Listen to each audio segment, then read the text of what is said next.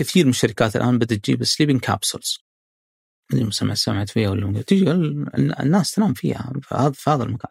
وهذا أعتقد إنه جيد يعني خصوصا في وضع عدم كفاية النوم اللي حاصل عندنا. يعني لو كان الناس تنام فعلا في الشركات المؤسسات بيكون جيد الحقيقة. يعني خلي الناس تأخذ نص ساعة يا أخي. أهلا. هذا فنجان من إذاعة ثمانية وأنا عبد الرحمن أبو مالح. ضيفي في هذه الحلقة الدكتور يوسف القرشي. دكتوراه في آه، النوم. مهتم آه، درس الدكتوراه والماجستير في النوم. هذه الحلقة بتكون عن النوم. آه النوم وش النوم؟ ليش الناس الإنسان يحتاج أنه ينام؟ ليش نحتاج أنه ننام ثمان ساعات؟ وكيف ممكن نتحكم بجودة النوم؟ وش الآثار اللي تترتب على نوم سيء؟ فهذه الحلقة في هذا المكان. آه رمضان على الأبواب فأعتقد أنه كذلك بيتغير آه وقت النوم عندنا. وكيف نقدر نضبطه؟ مسألة مهمة. لطالما أنها مهمة على صحتنا ومستقبلنا وعمر الإنسان حتى قدرته على الذاكرة وأمراض مثل ألزهايمر. قبل أن نبدأ هذه الحلقة أود منكم مشاركة الحلقة مع من تعتقد أنها تهمه. كذلك آه، لا تنسوا اقتراح ضيوف أو مواضيع على بودكاست فنجان آه، على بريد البرنامج فنجان ثمانية dot com أما الآن لنبدأ. يا أهلا وسهلا أبو بدر. الله يسلمك ويبارك فيك. كيف كانت نومتك البارح؟ أنا كنت بسألك السؤال هذا آه، نومتي جيدة نمت الساعة 12 ونص تقريبا. صحيت الفجر بعدين رجعت نمت الساعة 8 جيت رحت المطار okay. يعني آه لانك تصحى عشان صلاة الفجر وترجع تنام يأثر على جودة نومك؟ هذه دراسة سواها دكتور باهمام هنا. اي آه فموجد وجد إنه ما في فرق. طالما حافظت على آه، طالما ما كانت المدة طويلة يعني. جاب group نومهم. أو group هم ينامون. و group لا يقومون مصاصات وجد طبعا القياس اللي قاسه هو النعاس في أثناء اليوم. هذا هو دائما هو غالبا هو المعيار جودة.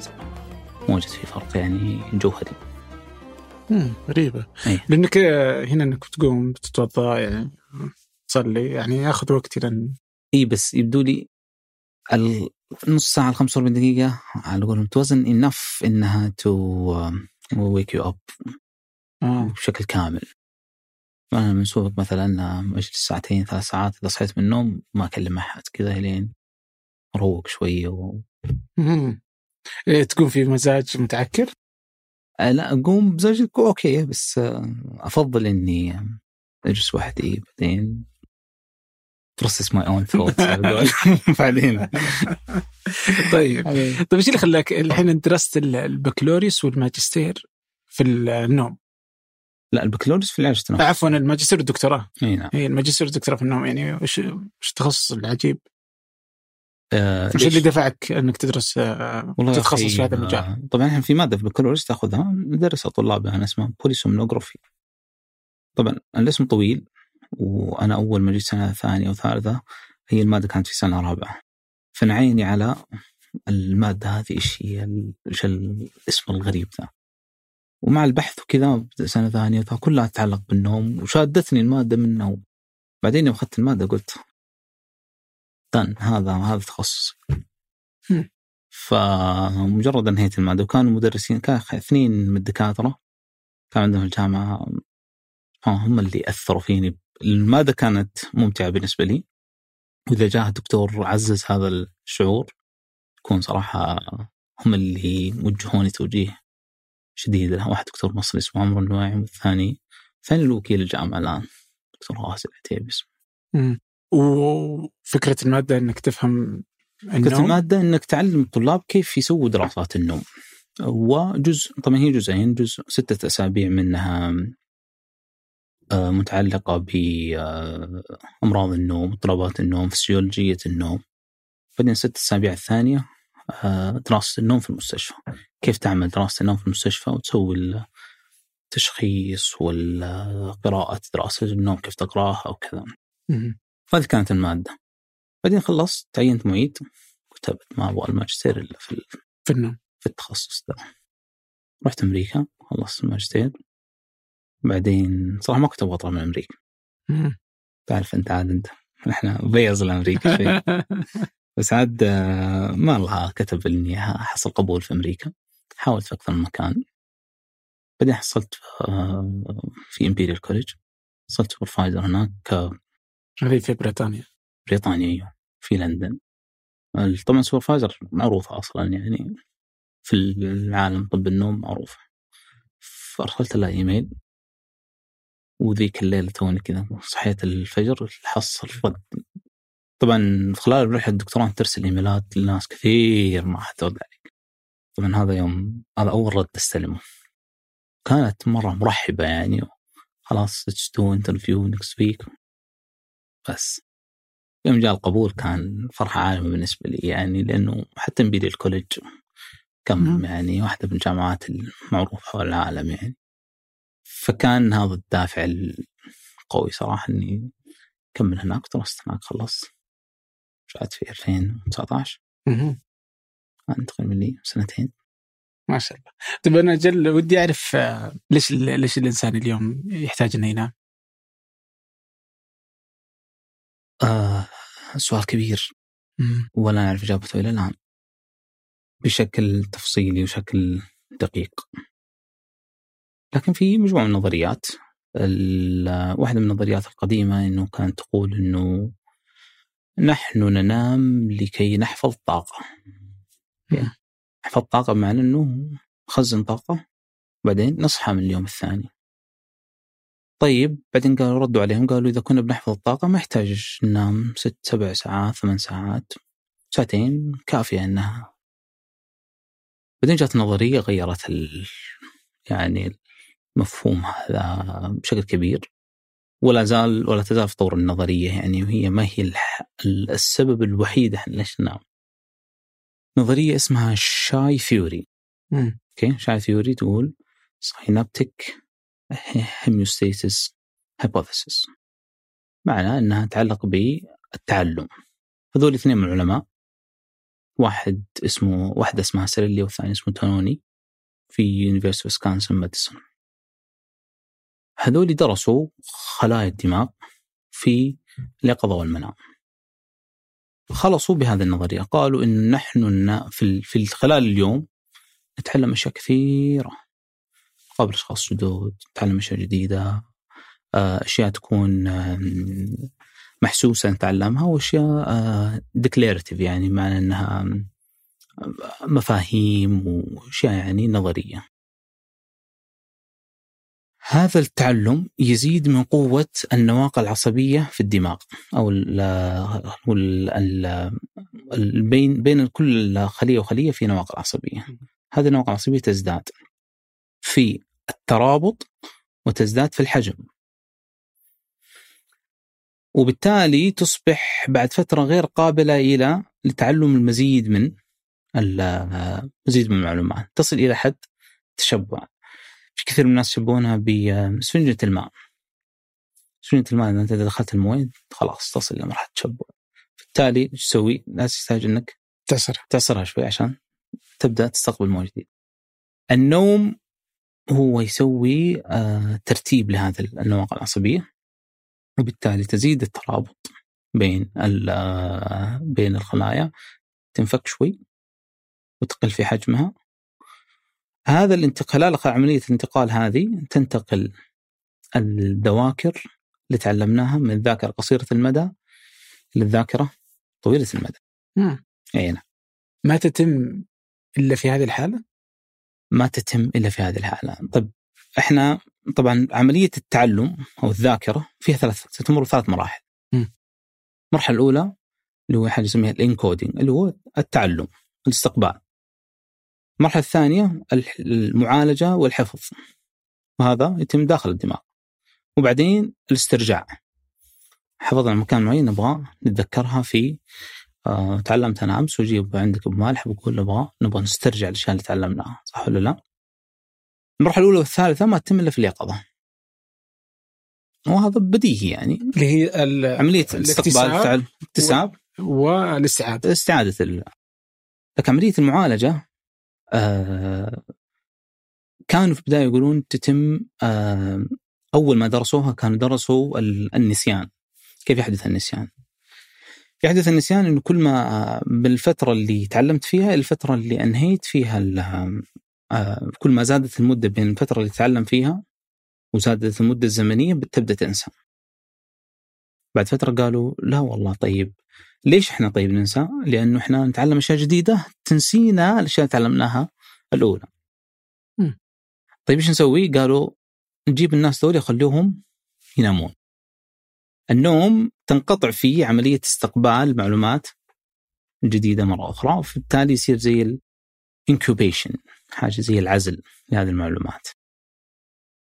قالوا لا خلال النوم يحدث عملية داخل الدماغ آه، تزيد من هذا من هذا الاسترجاع. وهذا حقيقة ما حدث إلا في تقريبا مع بداية بدايه الالفيه إي ليش؟ لأنه بدت اللي هو ال functional MRI وال PET scan هذا اللي هي اللي حط الدماغ وتقرأ اللي هو اشعه الرنين المغناطيسي وغيرها. تقرأ داخل الدماغ إيش يحدث. أه مع مع الدراسات وكذا وجدوا إنه فعلا في مناطق في الدماغ آه، هي المسؤولة عن هذه عن هذه الذواكر وهذه ما تنشط إلا في, في وقت النوم هذه وجدوا أنها ما تنشط إلا في وقت في وقت النوم اللي هو عملية الانتقال هذا. طيب إذا قلنا هذا الانتقال كيف يحدث وليش بعض الذواكر تنحفظ بعض الذواكر ما تنحفظ؟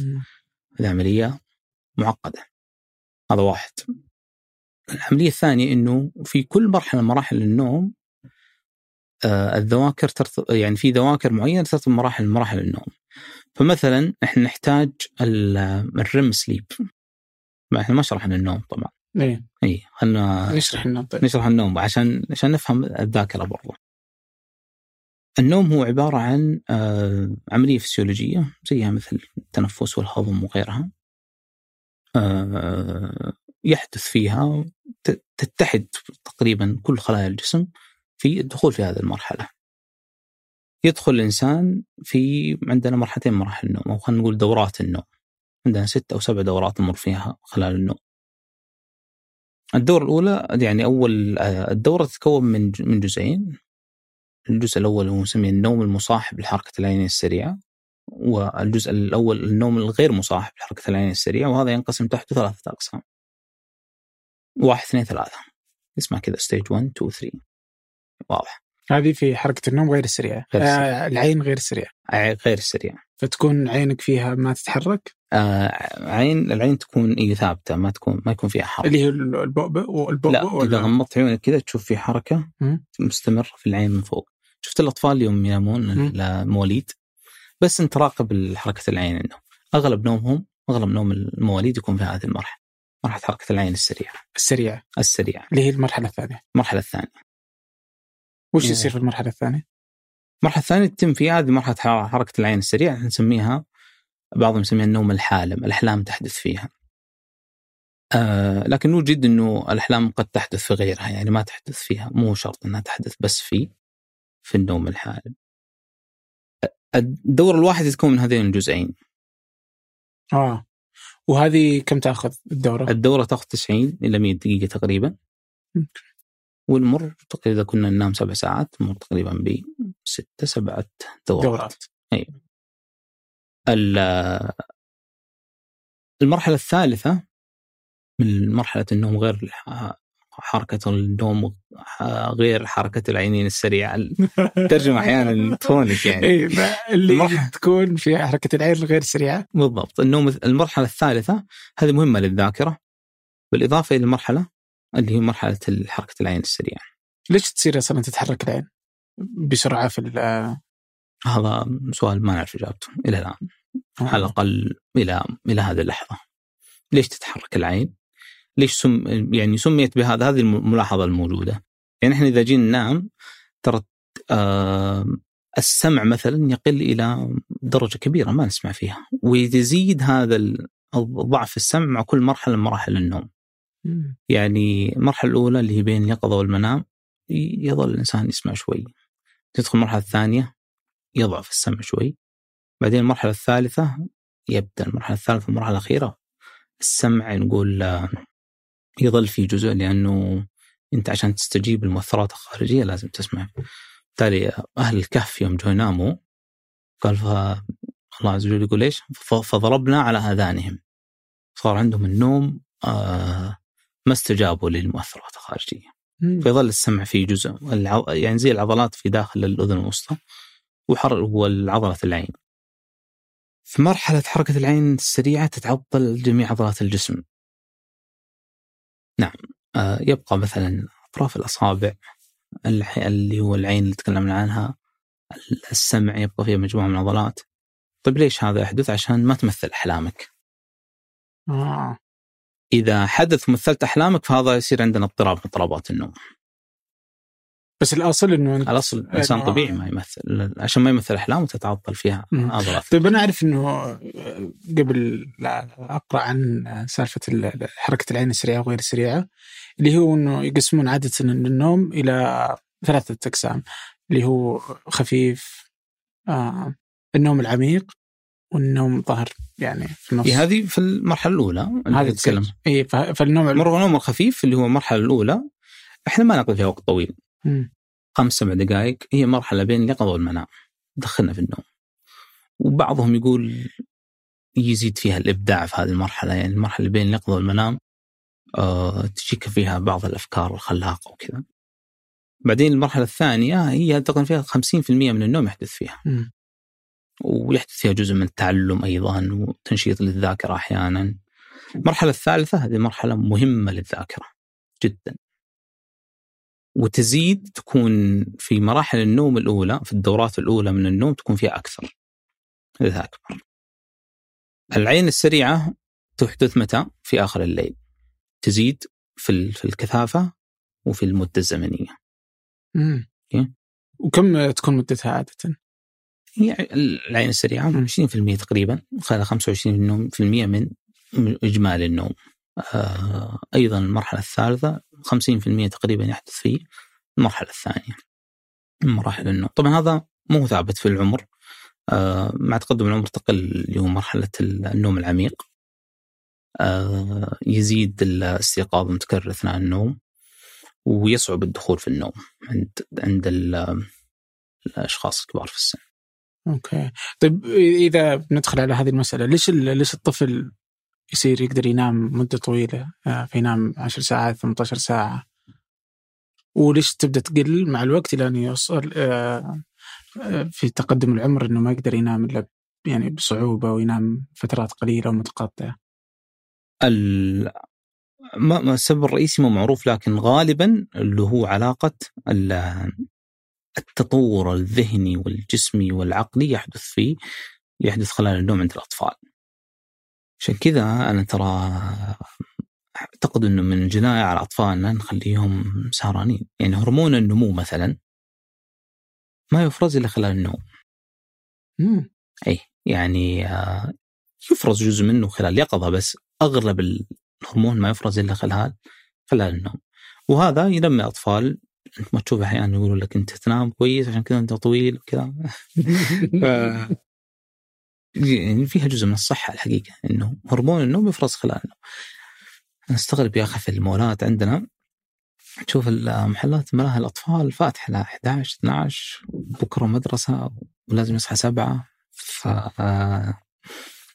فهذا يأثر طبعا على النمو العقلي والجسمي والذهني أيضا. ف فهذا هذا الجزء مرتبط به كل ما طال النوم كل ما كان النمو أفضل وأسرع. آه والله أعلم طبعا. يعني العلم ترى ما نعرفه عن النوم ما لا نعرف عن النوم أكثر من اللي نعرف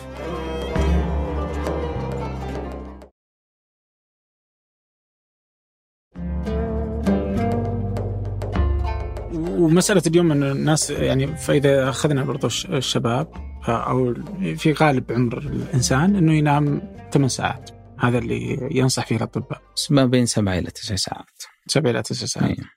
هذا هو نفسه موجود من قدم الإنسان ولا شيء حديث؟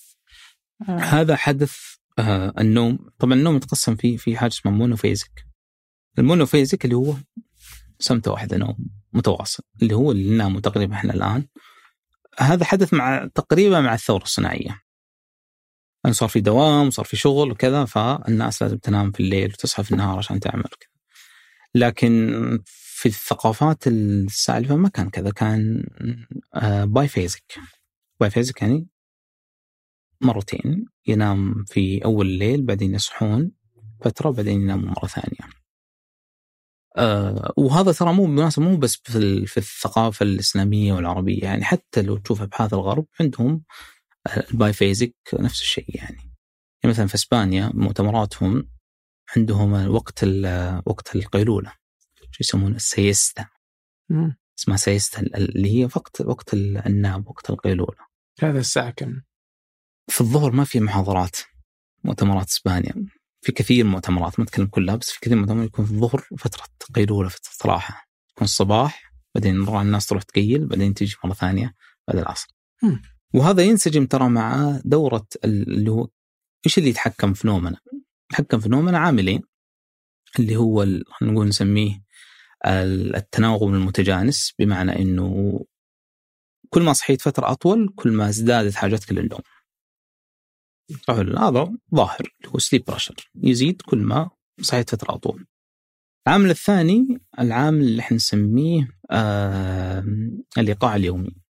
إيش تقصد فيه؟ طيب الايقاع اليومي اللي هو آه مع ساعات الفجر الأولى طبعا قبل شروق الشمس. وهذا مثبت يعني هو وقت ال dawn وقت الفجر إنه تبدأ يفرز هرمون الكورتيزون هرمون الكورتيزون يبدأ آه يزيد من إيقاع التنفس إيقاع ضربات القلب يزيد من درجة الحرارة. كل هذا إيش؟ تهيئة للجسم حتى حتى يستيقظ. آه طبعا تزيد هذه المراحل إلى أن تصل تقريبا وقت الظهر. بعدين يجي فيه الايقاع اليومي هذا اللي هو ال circadian rhythm هي الساعة البيولوجية الموجودة في أدمغتنا. تقل نشاطها ما بين 12 إلى 4 المساء تقريبا. وهذا وقت اللي يشعرون فيه الناس بإيش؟ بالخمول. بعضهم يعتقد أنه بسبب ثقلت في الغداء وكذا. لا ما العلاقة هي جزء طبيعي عند عند الناس كلهم. يختلف وقتها طبعا بين 12 واحدة ثلاثة أربعة. بعدين يبدأ يزيد نشاطها تزيد نشاط الجسم مرة أخرى. إلى أن يصل تقريبا عند التسعة عشرة في الليل بعدين ينسجم هذا مع السليب برشر يعني السليب برشر يكون متواصل. السركي اللي هو الإيقاع اليومي يزيد إلى الساعة 12 يقل ينخفض. ينخفض بعدين يزيد مرة ثانية بعد بعدين يصير في مرحلة الخمول مرة ثانية. هذا في نهاية اليوم. هذا في نهاية اليوم مع غروب الشمس. بعدين يفرز هرمون الميلاتونين وهرمون النوم آه، تخف إيقاع التنفس تخف إيقاع القلب آه، كل هذا تهيئة للجسم أيضا للنوم مرة أخرى. عشان كذا أنت يوم تنام الفجر أنت تعاكس الفطرة الموجودة في أجسامنا. يعني كل الجسم كله متهيأ للنوم للاستيقاظ هل هو متجهز للاستيقاظ لأنك أنت كملت عدد نصابك من النوم فأنت كملت 8 ساعات آه إذا افترضنا أنك نمت آه، في الليل بدري إيه؟ فهو يجي في نهاية نومك عشان يجهزك لأنك تصحى ولا هو متعلق بالزمن نفسه اللي هو ما قبل الفجر بغض النظر أنت نمت وقتها ولا لا؟ آه لا غالبا هو إذا كنت نايم كويس هذا كلها تحدث استعداد الجسم إنه خلاص هذا وقت وقت الاستيقاظ عشان كذا إحنا نعرف النوم الجيد إنه إيش؟ هو النوم اللي ما تحتاج معه إلى منبه ولا آه، تضطر يعني في اليوم إلى ما تشعر في خلال يومك بخمول. آه هذا هو النوم الجيد. آه هو غالبا يعني خلينا نقول عند أغلبية الناس ما بين سبع إلى تسع ساعات. اي بس اللي أنا سؤالي اللي هي الهرمونات اللي انت ذكرتها، إيه. هل هي تفرز لأنه فقط في وقت ما قبل الفجر ولا تفرز في نهاية السبع ساعات بغض النظر عن الوقت؟ لا هي تفرز في وقت الفجر هذا وقت يعني الناس اللي مثلا في هذا الوقت حتى حتى الجلطات تحدث فيها ترى يعني كثير من الجلطات تشوف أوقاتها في المستشفيات تحدث في هذا في هذا الوقت وهذا وقت ال REM sleep اللي هو اللي تكلمنا عنه حركة العين السريعة.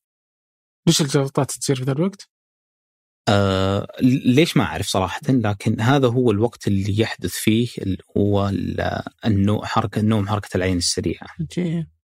وبالتالي أحيانا تقول بعضهم يقول يعني أنت إذا نمت آه إذا قللت نوم مقدار ساعتين كان عندك مثلا رحلة الساعة 4 الفجر أنت فعليا ترى ما قللتوا ساعتين قللتوا يمكن 40% من نوم حركة العين السريعة اللي هو هذا مهم أيضا لراحة الجسم. فأنت لازم تأخذ الدورات كلها حتى يتناغم الجسم بشكل كامل وتنام نومة يعني نقول نومة هانئة و... وكل وظائف الجسم تعمل بشكل بشكل جيد. طيب أنا في حديثك اللي قبل شوي في كذا نقطة فودي أرجع لها. الحين لما نتكلم عن القيلولة. آه شلون نعرف القيلولة أصلا؟ كم تنام؟ تنام ساعة؟ نص ساعة؟ وش القيلولة؟ قيلولة ساعة آه طيب ممكن راح يعني آه، صار biphasic sleep إذا زاد عن بس خلينا نقول لك إحنا في ال في ال إحنا سوينا زي الدليل الوطني مع مركز وقاية كل أطباء النوم في في السعودية والمتخصصين في النوم أيضا آه، صار في دليل ارشادات الحركة سواء للنوم حتى اللي هو الحركة اللي هو الرياضة يعني. فمن من التوصيات اللي أوصينا فيها إنه النوم القيلولة ما يزيد عن نصف ساعة. طيب ليش نصف ساعة؟ نصف ساعة عشان ما ندخل في مرحلة النوم العميق اللي هو المرحلة الثالثة. إذا دخلت في النوم العميق فهذا خلاص أنت بديت تأثر على نوم نوم الليل. وجد طبعا القيلوله مفيدة جدا لإستعادة نشاط الجسم ومفيدة للذاكرة ومفيدة يعني آه، فوائد القيلولة كثيرة جدا طيب متى وقتها؟ متى نخلي وقتها؟ الناس اللي يستيقظون بدري بدري يعني 6 7 الفجر يعني لو كان وقت القيلول ما بين 12 11 ونص واحدة في هذا الوقت يكون جيد. الناس اللي تستيقظ على ثمانية تسعة فهذا آه الأفضل بالنسبة لهم يعني لو كان اثنين ثلاثة. بيعتمد على الوقت إيش؟ على وقت الاستيقاظ أصلا. هذا هو القيلولة إيه وتكون عادة بحد أقصى نصف ساعة وحددنا. حد ادنى أنا بالنسبة لي مثلا أنا يعني أحيانا آخذ قيلوله 10 دقائق آه يعني يمديك حتى شيء في السيارة يعني على السريع. يعني أنا إذا وقفت السيارة في الجراج آه السيارة شغالة بس ارجع راسي على وراء وأخذ لي كذا 10 دقائق اشعر بعدها سبحان الله بنشاط عجيب. طبعا في بعض الناس ما تنفع معها فأنت لازم تعرف إيش إيش ال trick اللي يخليك نشيط بقية اليوم.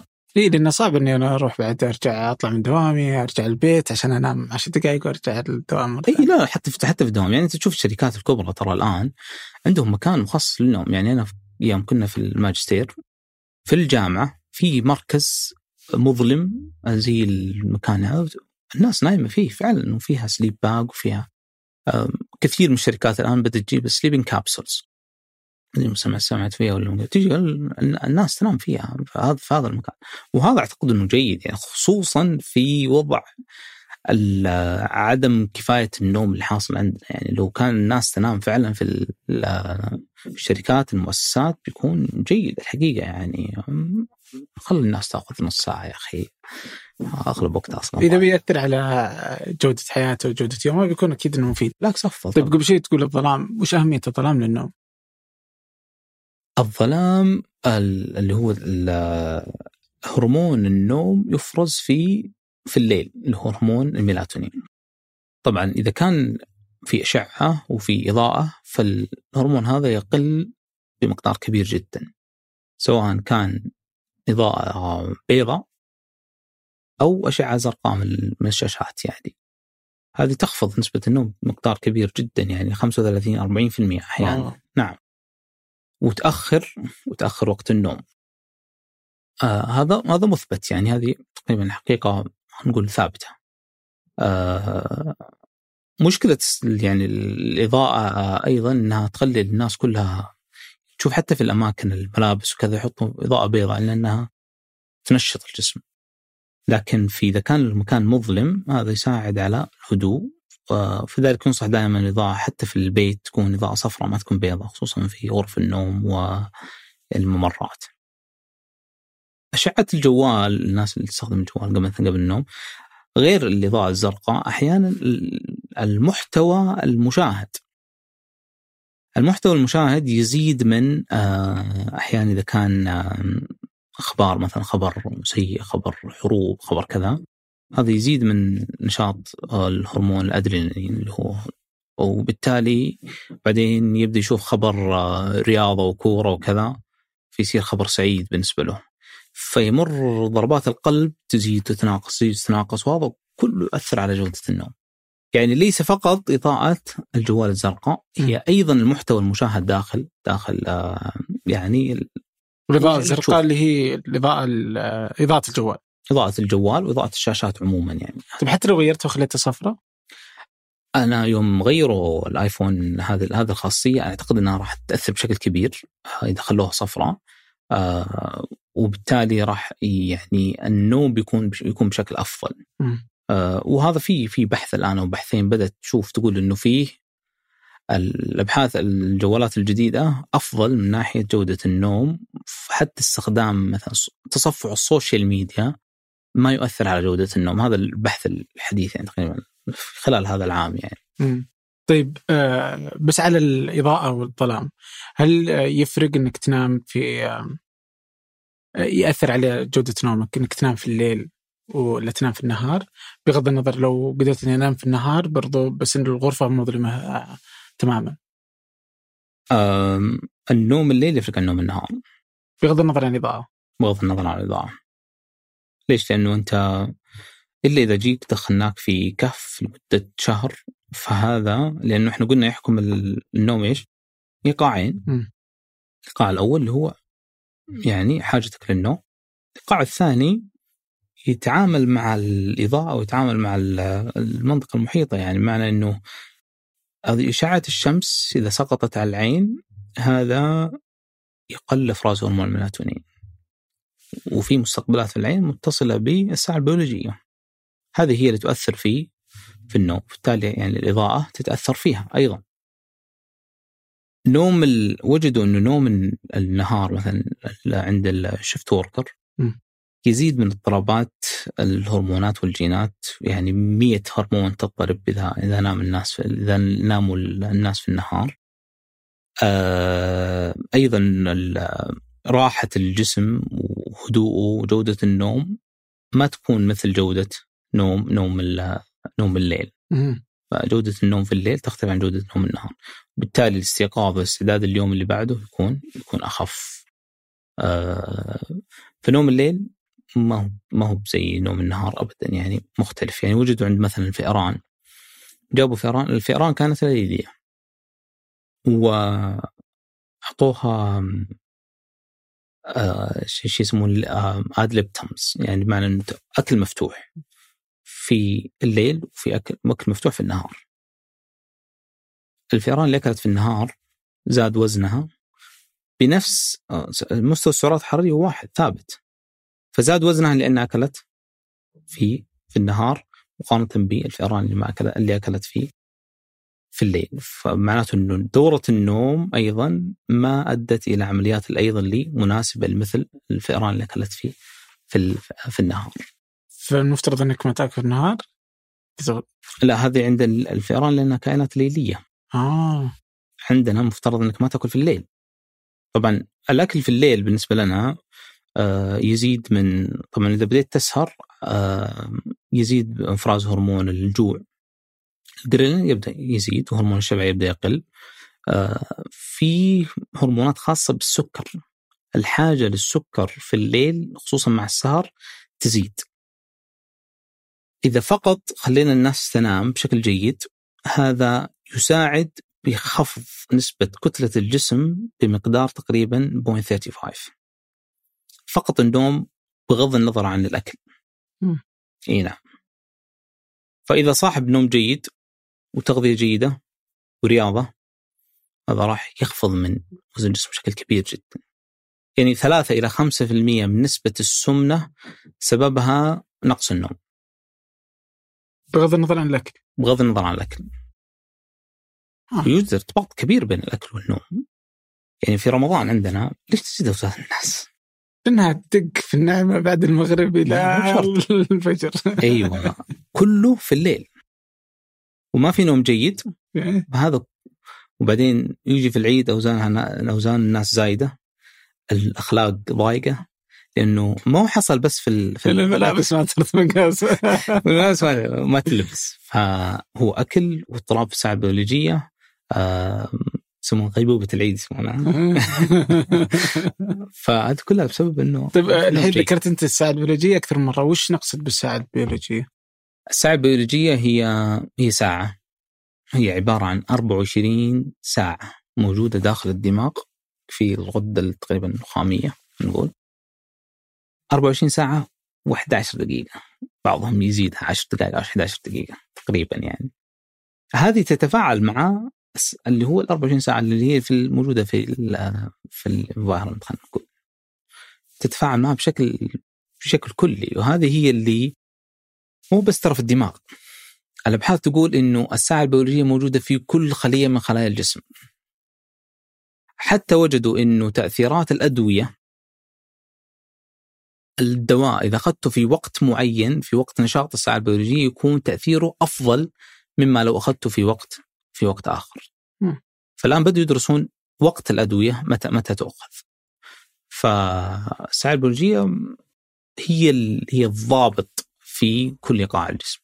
يعني أنا أقول طلابي صراحة إذا فهمت اللي هو الموديل اللي تكلمنا عنه قبل شوية اللي هو sleep pressure اللي هو زيادة الايقاع المتجانس وإيقاع الساعة البيولوجية أنت فهمت تقريبا فسيولوجيه النوم بشكل كامل.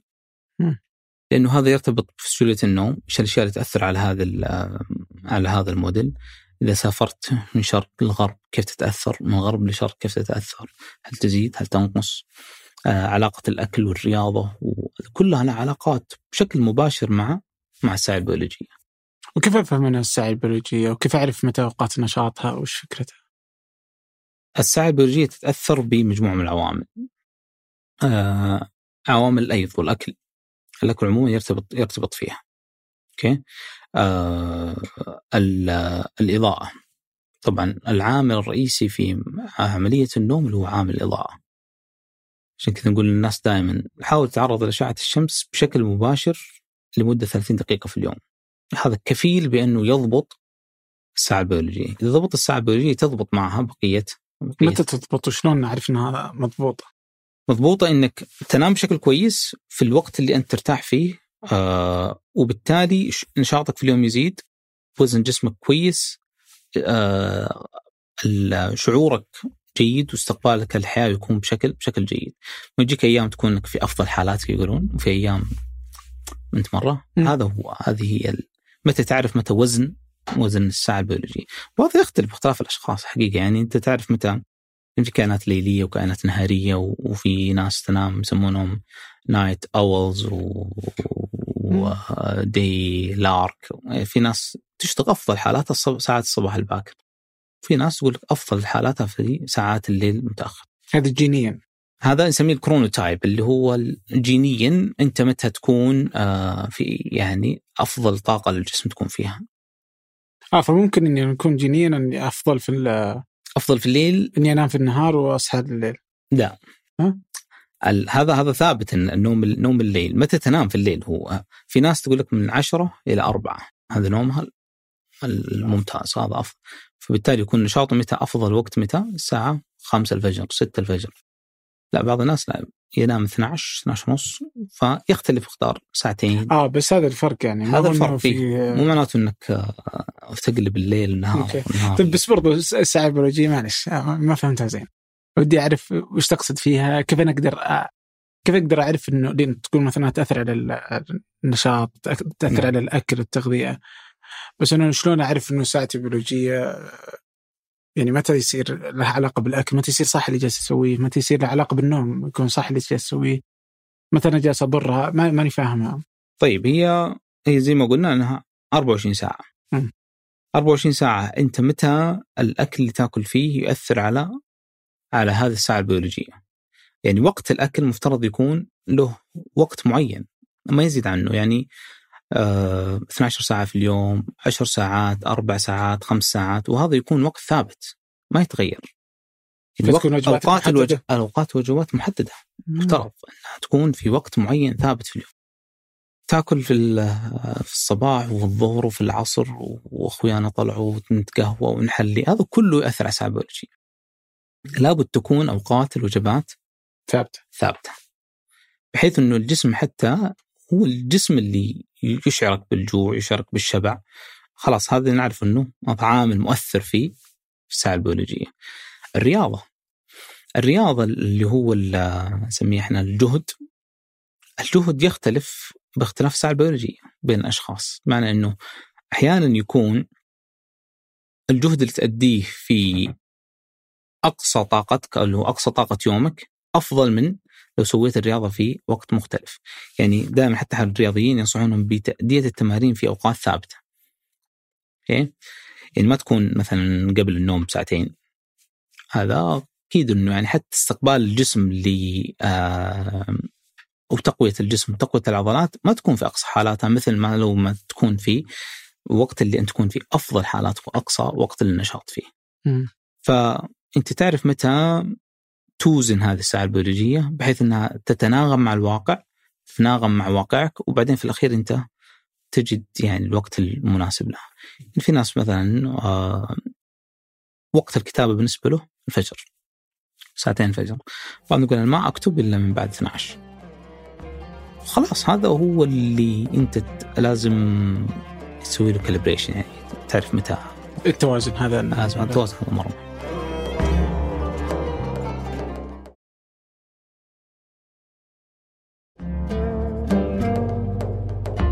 طيب بالنسبة للغذاء والرياضة متى تكون مضرة بالنوم؟ آه، فمثلا يقولون إنه الرياضة إذا مارستها بوقت متأخر من اليوم إنه يضر نعم. بالنوم فينصح إنك ما تمارس.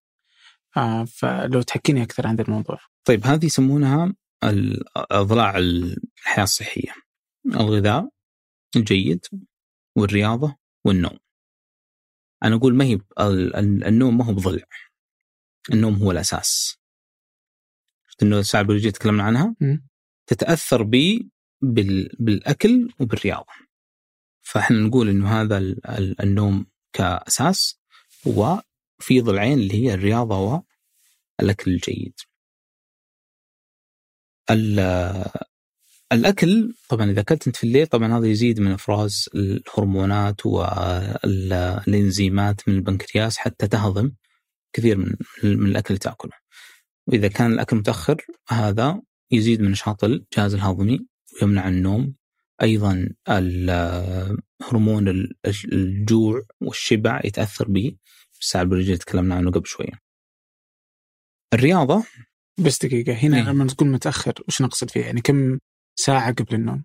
الأكل م. تقريبا أربع ساعات المفروض الواحد ما يأكل قبل النوم يعني ينقطع تماما عن عن الأكل الشرب ولا ينام أيضا مرة جوعان ولا ينام مرة شبعان يعني يوازن يبغى لها يعني بس حتى الشرب؟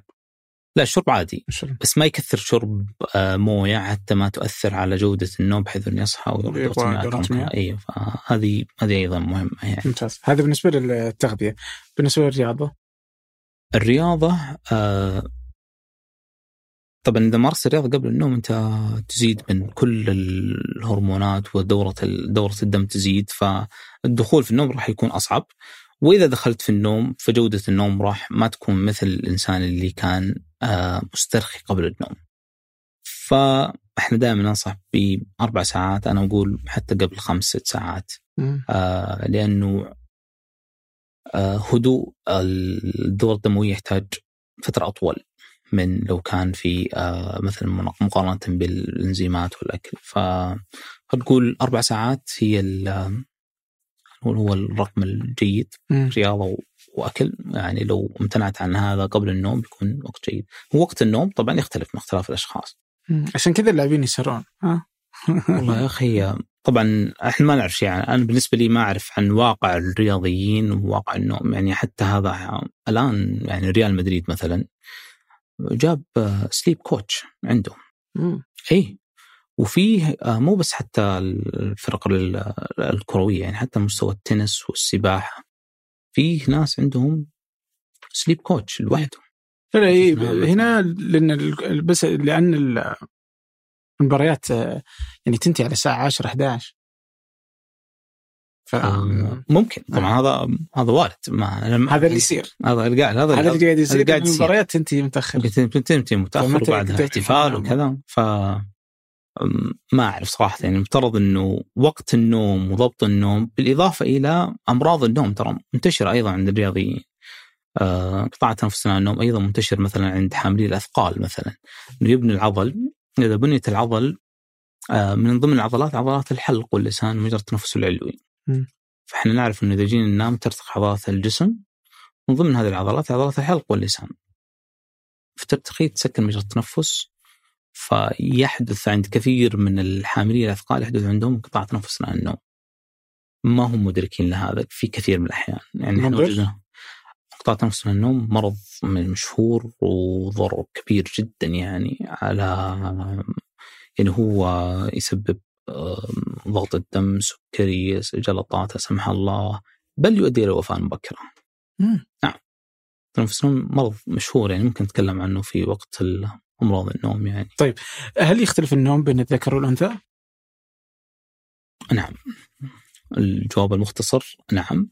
آه، الجواب مطول الجواب المطول ال- الذكر آه، يحتاج أو خلينا نقول الأنثى تحتاج لساعات نوم أطول من من الذكر هذا مثبت يعني وموجود عليه عليه دراسات وجدوا إنه إنه الذكور يحتاجون إلى آه، أو مقاومتهم لنقص النوم أفضل من الإناث. إي نعم. مقاومة النساء لطول مدة النوم أفضل من مقاومة الرجال طبعا إحنا نعرف إن نقص النوم وطول مدة النوم كلها كلها مضرة فإنك تزيد في النوم أو تقلله مضر. كلها تؤدي إلى المثالي ما بين سبع إلى تسع ساعات. يختلف من شخص لشخص. إيه الشخص البالغ نتكلم مم. ما نتكلم عن أطفال ولا كبار السن. ليش قلنا هذا؟ لأنه إذا نقص النوم عند آه مثلا عند الرجال قابليتهم ل آه يعني وجود مجموعة من الأمراض تزيد. نقول السرطان مثلا. أمراض الأوعية الدموية ضغط الدم السكري كل هذا السرطان تزيد له علاقة بالنوم؟ سرطان النوم له علاقة كبيرة بالنوم يعني نقص النوم ب طبعا إحنا نتكلم عن فترة طويلة ما نتكلم يعني ال- إنه يوم ويومين يوم يومين إيه. ثلاث أيام ما ما هي بعام بس إذا أنت. متعود إنك تكون دائم نقص النوم دائم شخص ينام ثلاث ساعات طول فترة حياته مثلا هذا لا شك إنه يؤثر على على جوده حياته وصحته. اللي هو النوم المتكرر. آه، أيضا زيادة النوم زيادة النوم أيضا مثبت إنها أمراض القلب وضغط الدم يزيد فيها بشكل بشكل كبير جدا. الناس اللي تنام نقول للرجال أكثر من عشر ساعات والنساء أكثر من للنساء أكثر من عشر والرجال أكثر من تسع ساعات. تبدأ تتولد الأمراض. وفي زي إحنا نسميه إحنا يو شيب. أقل ما تكون في السبع إلى تسع ساعات وكل ما زدت أو نقصت كل ما زادت قابلية تولد كثير من الأمراض هذه. بس وش اللي يحصل؟ بفهم آه، في نقص النوم إنه أنت تحتاج إلى إنه الدماغ يرتاح انه يبدأ يمارس الدورات اللي تكلمنا عنها اللي هي دورات أو مراحل النوم.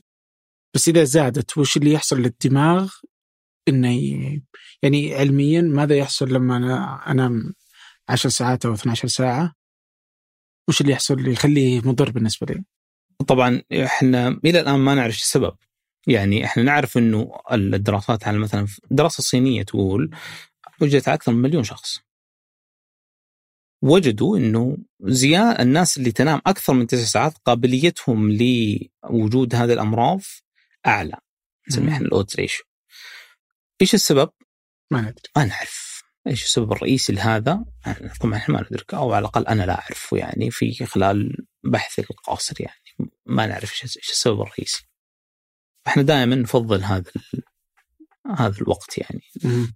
طيب تكلمنا أكثر من مرة عن جودة النوم، جودة النوم إنه هذا يأثر على جودة النوم هذا بدي أعرف أصلا وش نقصد بجودة النوم.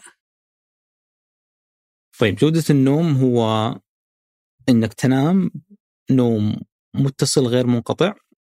آه وما يحدث فيه يعني تقطع أثناء النوم بحيث ان تمر دورات النوم بشكل يعني متواصل. و اذا صحيت من النوم ما تشعر فيه الرغبة بالنوم مرة ثانية. آه. okay؟ هذا هو جوده النوم. okay. تنام كويس في الليل وبالتالي في, في النهار ما تشعر برغبة برغبة في النوم. في هل التثاؤب له علاقة بالنوم؟ إيش هو؟ لما تتثاءب له علاقة بنعاس نوم ولا ما له أي إي علاقة؟ طبعا التثاؤب يعني مؤشر واحد من المؤشرات اللي للرغبه في النوم طبعا التثاؤب إحنا نعرف إنه معدي يعني ثوبت قدامك الآن أنت بعد فترة دقيقه تجي وش اللي يرسل الدماغ عشان تتثاءب؟ وش علاقة التثاؤب بالنوم؟ ما أعرف والله ما لا- شيء معين؟ ما أعرف شيء معين له علاقة بالتثاؤب أوكي طيب كيف أقدر أعرف إن جودة نومي سيئة؟ آه، مثلا واحدة من الأشياء اني اكون ودي أنام أثناء ال- اليوم. بالضبط. فيني نعاس. الشيء الثاني؟ إنه آه تنام آه تصحى بشكل متكرر أثناء النوم. مم. تصحى من النوم بشكل متكرر. الأصل إنك ما تصحى إلى ان تصحى؟ الأصل إنك يعني ما تصحى ما يكون تنام متقطع. بشكل مستمر إلى وقت اللي تستيقظ فيه دائما تستيقظ من دون منبه. مم. هذا جودة نومك ممتازة 10 10 أوكي. وإذا صحيت كن جاهز لاستقبال اليوم بشكل بشكل جيد. ما تحتاج تنام مره ثانية. فيصير آه، عندنا الشيء الثاني اللي هو آه، نوم متقطع. هذا هذه على هذه دلالتين. ج- جودة النوم. آه، طبعا في أمراض يعني بس الأمراض يعني هذه الوحدة. لكن هذه هذه العاملين والمؤشرين هي اللي تمر بدورات النوم كاملة. لما نتكلم الشخص العادي كيف يعرف جودة نومه؟ عنده هذه هذه العاملين اللي يعرف فيها. ينام بشكل متصل وإذا صحى من النوم ما يشعر برغبة في النوم. كانت خمس ست سبع تسع ساعات بغض النظر يعني. بس أحيانا أحس إنها مثلا بالنسبة لي يعني تختلف من يوم ليوم. في يوم أصحى وأنا صدق صح صح مروق ويمكن إني نمت سبع ساعات أو. أقل ما تفرق. فما عمري حسيت إن عامل عدد الساعات هو اللي يفرق هي ما أدري هي تمسيكة. أحيانا أقوم وأنا ودي أكمل نوم لو نمت يمكن عشر ساعات. هذه من آه خلينا نقول من من الصعوبات اللي نواجهها في النوم. إنه النوم يختلف بين الليلة والليلة الأخرى فال variability فيه كثيرة. إنه أنت نومك اليوم دورات النوم اللي تمر فيها ومثلا خلينا نقول لك اليوم نمت نفس عدد الساعات ونفس نفس الوقت. قد تكون مثلا مراحل ال- النوم ما تمر فيها بنفس المقدار اللي مريت فيه في الليلة اللي قبلها. ما لك نفس نفس نفس نفس الوقت. فالفاريبيلتي فيها. كبيرة جدا. أيضا التنوع أيضا يختلف من شخص لشخص. فأنت من الصعب جدا إنك تقيس النوم لمجموعه من الأشخاص في نفس الوقت وتقول تقدر تخرج ب يعني خلاصة واضحة وصريحة إلا إذا سويت هذا على ملايين الناس يعني. قد تخرج ب يعني خلاصه يعني في عندنا حقائق ثابتة وفي عندنا نظريه زي قلنا مثلا ليش ننام؟ لا زال ما هو يعني حقيقة علمية ثابتة إلى الآن يعني لا زال في نظريات تخرج لنا كل شوية بنظريه جديدة يعني مم. هل ممكن ان نوصل إنه ما ننام؟ ما ننام أصلا مم. آه وجد هذا غير ممكن إنه الناس اللي ما نامت فترة طويلة. آه طبعا حتى جينيس مثلا جينيس ما ذكروا أقصى مدة لم ينام فيها إنسان. لأنه ما يبغون الناس يمارسون هذا لأنه يؤدي أيوة، الوفاه ما- طبعا. يعني أقصى يعني المدة الموجودة إنه الأشخاص بعد 11 يوم أو 13 يوم الشخص اللي جلس صاحي هذا إنه توفي بعد فترة. يعني حتى الناس اللي عندهم اصابه بالأرق ترى تدخل في في حالات من الوفاة. مم. هنا وش وش مسببات الأرق؟ ال- هل هو الارق مرض ولا؟ الارق مرض طبعا. أكثر مرض شهره من أمراض النوم هو الأرق. حتى لو يجيني من فترة ال- مو لازم إنه يكون متكرر يعني. أحيانا يجيك كذا في الشهر مره يجيك في الشهر مرض مو ارق مم. يعني هو أرق لكنه ما هو مرض مرضي. مم. حتى نحن نعرف الأرق المرضي نحن لازم نقول إنه آه ثلاثة في ثلاثة. ثلاث أيام في الأسبوع أو أكثر لمدة ثلاثة شهور. هذا هو الأرق المرضي. اللي لازم تروح تراجع فيه؟ تراجع فيه طبيب. حتى يتم معالجته. وبالنسبة للناس اللي تجيهم بين فترة وفترة؟ هذا غير معروف سببه. يعني يجيك واحد يأرق ليلة ما ينام فيها. مم. من عجائب النوم. يعني ما نعرف إيش السبب. آه، هل هو انام قبلها بليلة؟ فيه آه، يعني خلينا نقول ستريسور معين ما خلاه ينام. آه، سبب معين منع من النوم اختبار اضطراب كل هذا غير غير معروف. أحيانا شخص طبيعي جدا ويجي ليلة ما ينام فيها. طيب وأنا كيف أقدر أصنع عادات نوم صحية بالنسبة لي؟ تجعل من جودة نومي جيده في عدة أشياء أمور لازم نحرص عليها. حتى نقول النوم هذا نخليه زي الرياضة والأكل يعني إحدى مشكلاتنا إنه إحنا نركز ترى على الرياضة والأكل ما نركز على النوم والسبب إنه ما فيه بوليسي يعني في ملزم المحلات إنها تذكر السعرات الحراريه في الأكل صح ولا لا؟ ما في شيء في النوم وهذا واحدة من يعني الشغلات اللي تخلي الناس ما تنام كويس. طيب إيش الأشياء اللي نسويها؟ أول شيء الانتظام في النوم إنه يكون وقت الاستيقاظ ثابت وقت النوم ثابت. أنا دائما ما أنصح بتثبيت وقت النوم، أنا أنصح بتثبيت وقت إيش؟ الاستيقاظ. أي نعم. إذا ضبطت الاستيقاظ مباشرة تلقائيا راح يضبط وقت النوم ما تقدر أنت ما تقدر تقاوم النوم تقدر تسحب نوم يعني تكمل وبالتالي وقت النوم اللي بعده راح يتأثر لكن إذا ثبت وقت الاستيقاظ هذا كفيل إنه ثبت يعني بإذن الله يثبت وقت النوم. خلاص إنك تشعر بالحاجة لل... تشعر حاجة للنوم هل هو تكلمنا عنه هذا. الشيء الثاني عامل الاضاءه الإضاءة أستطيع أن نقول إنه هو العامل الأهم في موضوع جودة النوم. تعرض لأشعة الشمس في النهار يعني الموجودة في اللمبات الموجودة في البيوت هذه تقريبا 5000 شمعة 10000 شمعة. المفترض الشخص يتعرض لأشعة الشمس. أشعة الشمس 100000 شمعة. فهذا هذا هذا الفرق. طيب ما أقدر اتعرض للشمس في عندك في المكتب جيب في شيء يسمونه ال light box يمكن مر عليك ولا جيبه تشغله بحيث ان تكون هذا يضبط الساعة البيولوجية عندك بشكل بشكل جيد. آه الأكل الأكل عامل مرة مهم يكون في وقت ثابت خلال اليوم كامل ما يكون بس وقت الليل ونمنع الأكل قبل قبل النوم يعني بأربع ساعات. الرياضة أيضا ممارسة الرياضة لوحدها تضبط جودة جودة النوم، الإنسان يشعر بالتعب وبالتالي ينام بشكل جيد ووقت الرياضة أيضا ما يكون ما يكون قبل قبل النوم. آه تقريبا اللي خلينا نقول الشيخ القهوة. القهوة. القهوة عشان نتكلم عنها لازم نعرف أصلا كيف تشتغل. هي تكفل مستقبلات الأدينوسين. فبالتالي تمنع تمنع الشعور بالنعاس. الادينوسين هو هرمون يساعد على النوم. وبالتالي إذا ارتبطت هذه القهوة فيه تمنع النوم. هو ترى درج يعني هو عبارة عن آه، عقار. مم. إحدى العقارات زي بقية العقارات الموجودة مرجوان أو غيرها. القهوة فيها يعني عدة شغلات لازم ننبه عليها، اولا أنها تبقى في الجسم فترة أكثر مما نتخيل إحنا. إحنا نقول قبل يعني نشوف المقاهي هنا جالسة لا في الرياض 24 ساعة. ف دورة حياة القهوة تقريبا آه 12 ساعة. ال half-life حقها نسميه نصف حياتها حتى الإنسان يتخ... يبدأ يتخلص من الجسم منها تقريبا ست ساعات. لكن فعليا هي ست ساعات هي يعني يبقى ربع لا يزال موجود في في الجسم عشان تتخلص منه بشكل بشكل كامل. فمفترض يعني بعد خمسة ستة مفترض الإنسان ما يشرب القهوة حتى ينام بشكل بشكل جيد. أي نعم. حتى طيب. الشاهي؟ كلها فيها كافيين. كلها نتكلم عن الكافيين. الكافيين موجود في القهوة في الشاي في البيبسي في الكولا في كلها هذه موجودة فيها. انت ترى عزيمة وش تسوي؟ أيوه. لازم الانسان يعني آه، ترى ما هي بصعب أنا أسميه النوم هو عبارة عن behavior وضبط السلوك السلوك ضبطه صعب ترى. ف هي هي موازنة. طبعا ما تقول للناس لا تشربون ولا شيء بعد خمسة الفجر.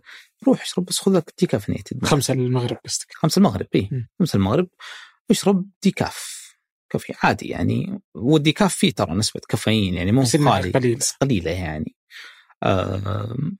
أيضا الناس اللي طيب شربت قهوة ونمت تقول نام كويس نقول لا ترى جودة النوم راح تأثر. يعني تكلمنا قبل اللي هو قبل الحلقة إنه. جودة النوم تأثر مقدار 20% اللي هو النوم العميق يقل مقدار 20% عن الناس اللي تنام بشكل جيد من دون من دون القهوة قبل النوم. فيؤثر على جودة النوم طبعا جزم فاشرب القهوة طبعا القهوة مفيدة يعني عشان نكون إحنا في.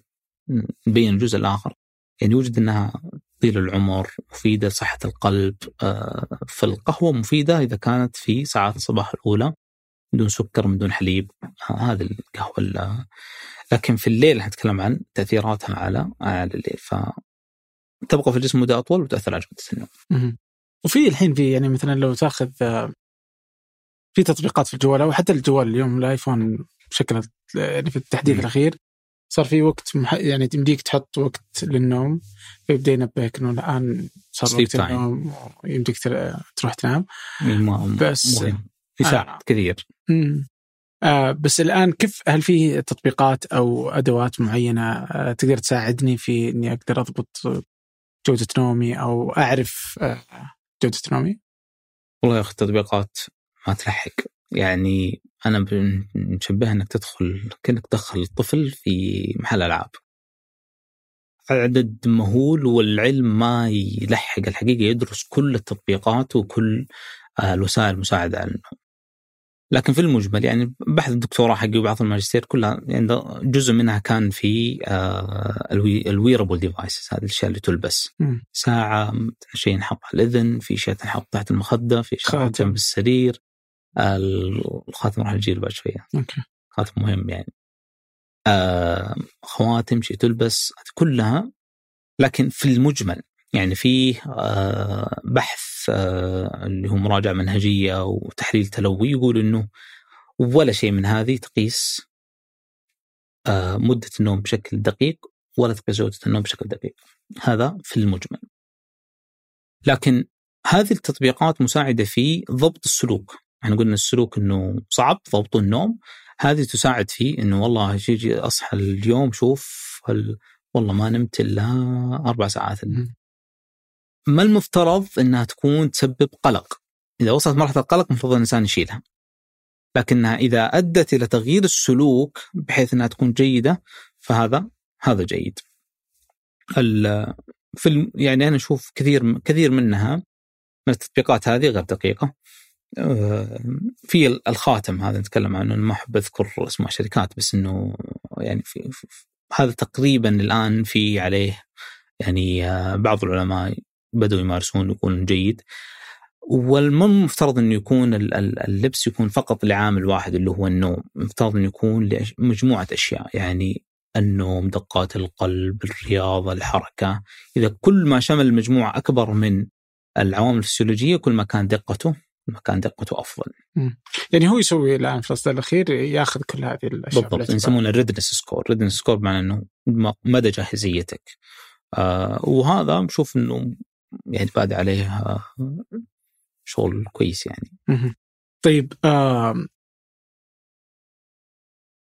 إذا أخذنا إنه الكافيين مزعج وإنه أقدر أضبطه إنه خلاص بعد المغرب آه تبدأ توقف عن شرب القهوة ما استطعت. بس بالنسبة للنوكتين قديش يأثر على جودة النوم كذلك؟ طبعا النوكتين أيضا مثبت إنه أثر على جودة النوم، شخص جابوهم قبل النوم حطوهم سجاير، طبعا مو بس سجاير حتى الناس اللي تسمي التدخين السلبي الناس اللي جلسوا مع مدخنين. هذا يمنع النوم. م. يعني يمنع الدخول في النوم وأيضا يقلل من جودة النوم. مثله مثل مثل القهوة. يعني هو منبه يمنع بل ضرر التدخين أكثر من أكثر من القهوة. يعني القهوة فترة وتخلص منها الجسم التدخين يبقى أثره فترة فترة أطول من فترة اللي هو الكافيين. طيب وش الحل؟ غير اني اقطع التدخين. آه لا بدخن بدخن في الليل بس. ما تدخن اي يعني حتى الشيشة طبعا الشيشة اسوء آه مشكلة في السعودية الجو حار فالناس ما تصحى إلا وقت متأخر في الليل. يعني آه إيش علاقة الجو بالنوم؟ أنا ترى هذا ما إلى الآن ما في دراسة درسته بشكل دقيق جدا. يعني في إحنا في الدراسات تقول إنه الجو يؤثر على الساعة البيولوجية. أوكي يعني يؤخرها يقدمها هذا معروف ومثبت لكن إيش علاقة جونا اللي هو نسميه إحنا tropical weather إيش علاقته بالنوم وجودة النوم؟ يعني الناس تنام متأخر ترى بسبب بسبب الحر. يعني ما في واحد بي بيصحى. إيش العلاقة؟ أنا ما ما نعرف. لا زال العلم يعني خلينا نقول ما ما اطلعت على شيء درس هذه العلاقة بشكل بشكل دقيق جدا. يعني حتى على مستوى الأطفال مثلا. في بحث من ناشرينه كي مارك آه، مركز الملك عبد الله للابحاث على 12000 آه، مراهق.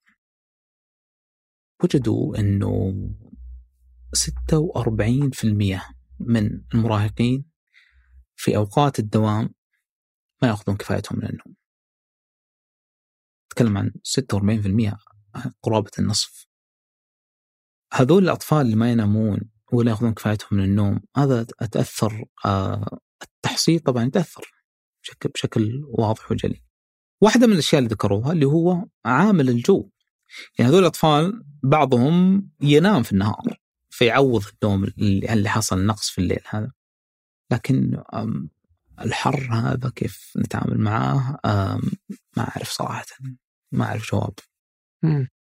طيب بالنسبة لي إذا أخذنا مثل هذه العوامل اللي تخصنا مثلا كثرة مثلا السلوك المجتمعي العام في الحزايم اللي تصير في آخر الليل ولا صاحبها قهوة وشاهي منبهات وغيره ممكن برضو الجو طبيعته.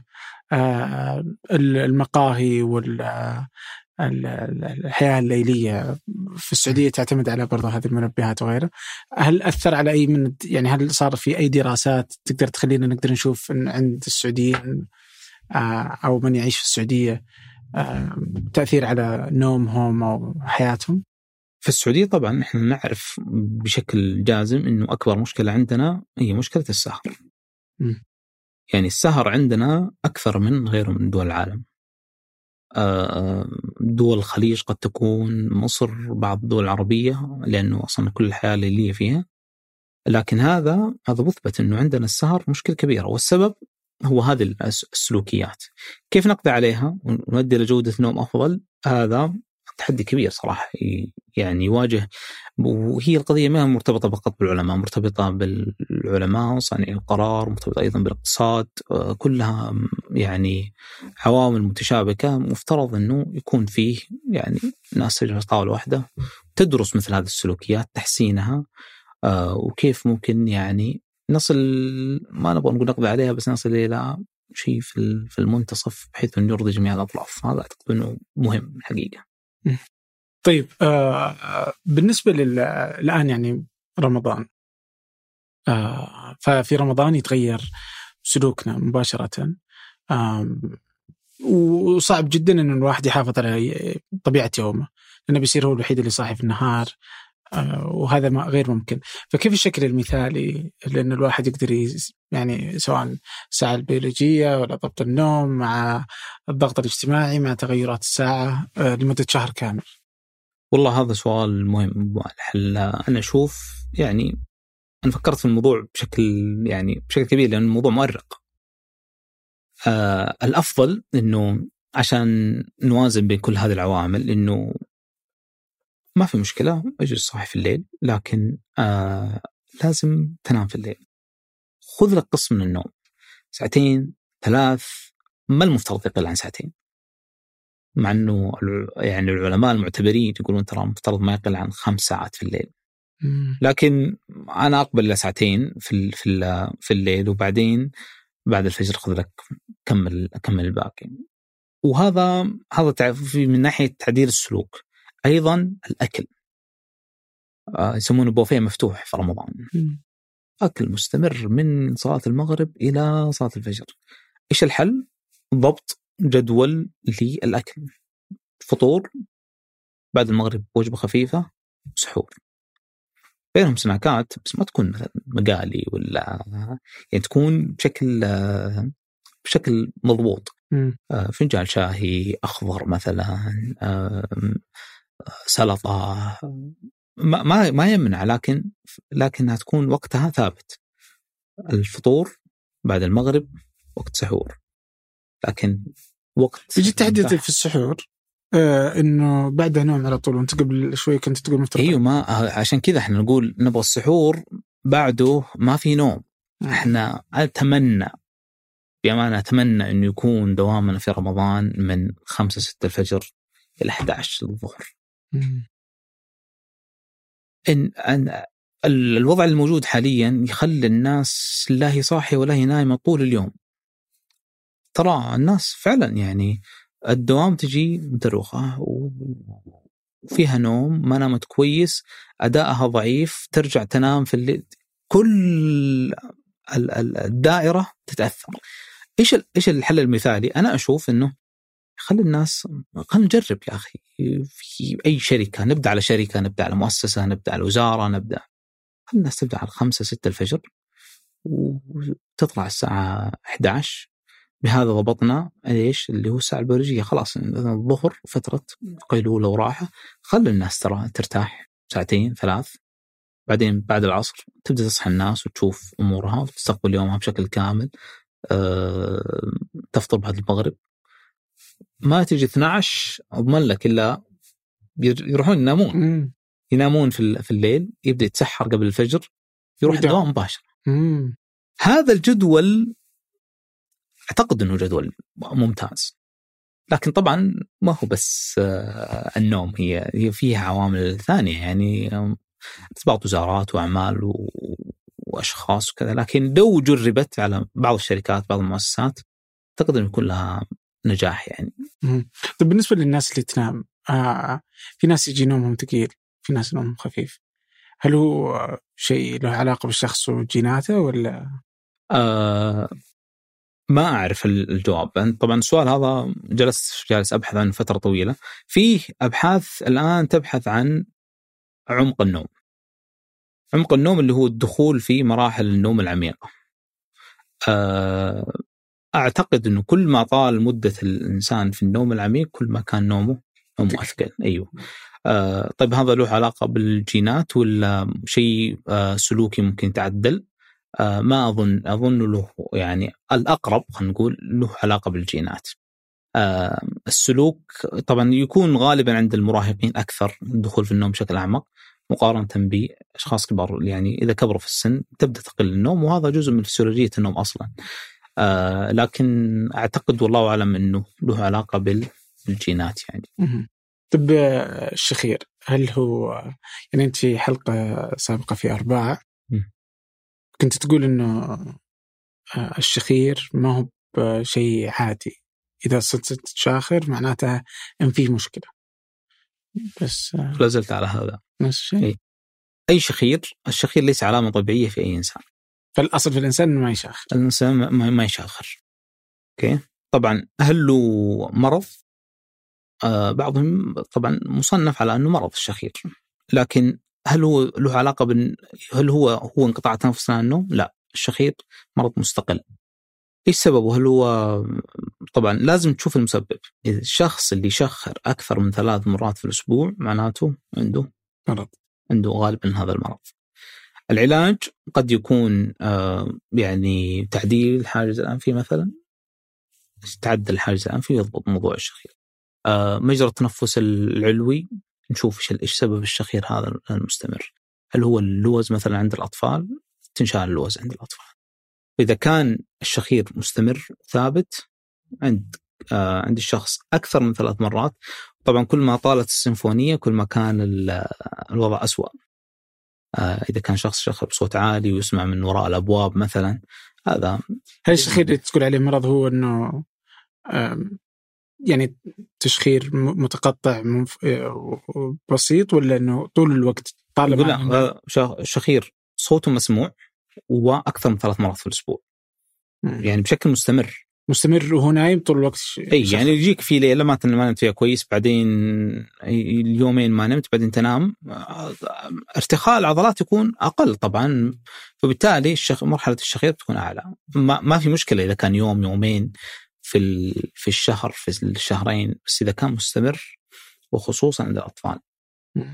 الأطفال يعني من عمر خلينا نقول أربع خمس سنوات إلى قبل المراهقة إذا كان في شخير مستمر لابد لأنه هذا وجد إنه يؤثر على التحصيل الدراسي بشكل مباشر. تروح لطبيب نوم مختص في الأطفال ويتعالج. وهنا إذا أنت عندك شخير العلاج يكون لازم مستشفى ولا ممكن آه، في علاج سلوكي يسويه بدون؟ في علاجات سلوكية لكنها غير فعالة، يعني لازم يروح المستشفى يشوف السبب، هل هو ممكن إنه يكون يحتاج عملية معينة تتعد يعني تسوى العملية هذه وتعدل الموضوع موضوع الشغل. حتى الناس اللي بعد ما تشاخر ترى جودة نومهم أفضل، آه، تحصيلهم أفضل، حتى العمل يعني كثير من الناس اللي عندهم شخير إذا تعدل هذا يقول لك يا أخي تغيرت حياتي 360 درجة. ويجونا ناس كذا يعني يقول شيء مختلف تماما أنا عن قبل خصوصا مرضى انقطاع تنفس النوم مثلا. يقول لك أنا أنا إنسان آخر الآن. تشوفهم يعني. عجيب والله. طيب بالنسبة للنوم في واحدة من الأشياء اللي هو الأحلام. فالأحلام يعني فيها تفسيرات كثيرة فيها أقاويل كثيرة. ودي أعرف أصلا وش الحلم علميا. طيب الأحلام كانت محل تعجب البشرية من يعني من قديم الزمن. آه لكنها في يعني الثقافة الإسلامية ترى متأصلة ومتجذرة. آه ذكرت في القرآن والنبي صلى الله عليه وسلم يقول الرؤيا الصالحة من الله وكذا موجودة يعني في ثقافتنا. بل آه البروفيسور باهمام يقول إنها أصلا موجودة في الثقافة الإسلامية أكثر مما هي موجودة في الثقافة الغربية. درسناها إحنا أكثر منه ابن عربي وابن سيرين كلهم هذولي تكلموا عن النوم وتفسيرات. أول ما بدأت بدأت بتفسيرات تفسيرات. جاء بعدين آه، سيجموند فرويد. ما الان نسميه مال الدنيا وشغل الناس. في في في العلوم يعني. آه، فرويد قال هي آه، وقت تحقيق الرغبات. أوكي؟ wish fulfillment إنها وقت تحقيق رغبات. بعدين قال إنها هي رغبات مكبوتة تتمثل على شكل أحلام. هذا تفسير بعدين قال هي طريق إلى اللاوعي. الأحلام هي طريق إلى اللاوعي طيب العلم الحديث شو يقول؟ العلم الحديث آه خلينا نقول ما نبغى نقول يعاكس بس يعني يعارض مثل هذه مثل هذه النظريات. الأحلام هي عبارة في الغالب على يعني أحدث الدراسات تقول إنها هي إعادة لما تلقيناه في اليوم بشكل إنه الأحداث اللي مرت فينا في اليوم تتجسد في على شكل على شكل أحلام. هذا كيف تحدث كيف تحدث الأحلام. فيه آه طبعا اللي أعتقد إنه يعني الشخص اللي بيغير مفهومنا عن النوم اللي هو تنون اللي تكلمنا عنه قبل شوية آه، في 2017 نشر دراسة قالت أنه الأحلام هي المكان والنموذج المثالي للوعي. فرويد وش يقول؟ فرويد يقول لها إنها لا وعي. يقول هو النموذج المثالي للوعي. طيب كيف عرفت هذا؟ عرف هذا بدراسة تسمى high density اللي هو موجات الدماغ من خلال الأقطاب اللي تركب على الرأس. وجد إنه على الأقل هو عرف مكان إيش المنطقة اللي في الدماغ تنشط في وقت الأحلام. وهذا يعني وجدوا على مجموعة من الأشخاص في أكثر من تجربة. وجدوا إن المنطقة ذي نسميها posterior hood zone. المنطقتين دي تكون نشطة في وقت الأحلام. طيب وجد مو قد تكون هذه فقط مشاهدة عند عند الأشخاص. قال لا خلونا إحنا نقيس هذول الناس نصحيهم وقت ما تكون المنطقة نشطة وهل نقول لهم هل هل كنت تحلم ولا لا؟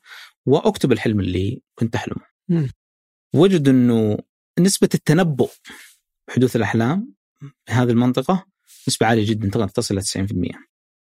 وجد إنه هذه المنطقتين هي اللي تنشط فيها الأحلام. وهي النموذج المثالي للوعي كيف عرفناه؟ إنه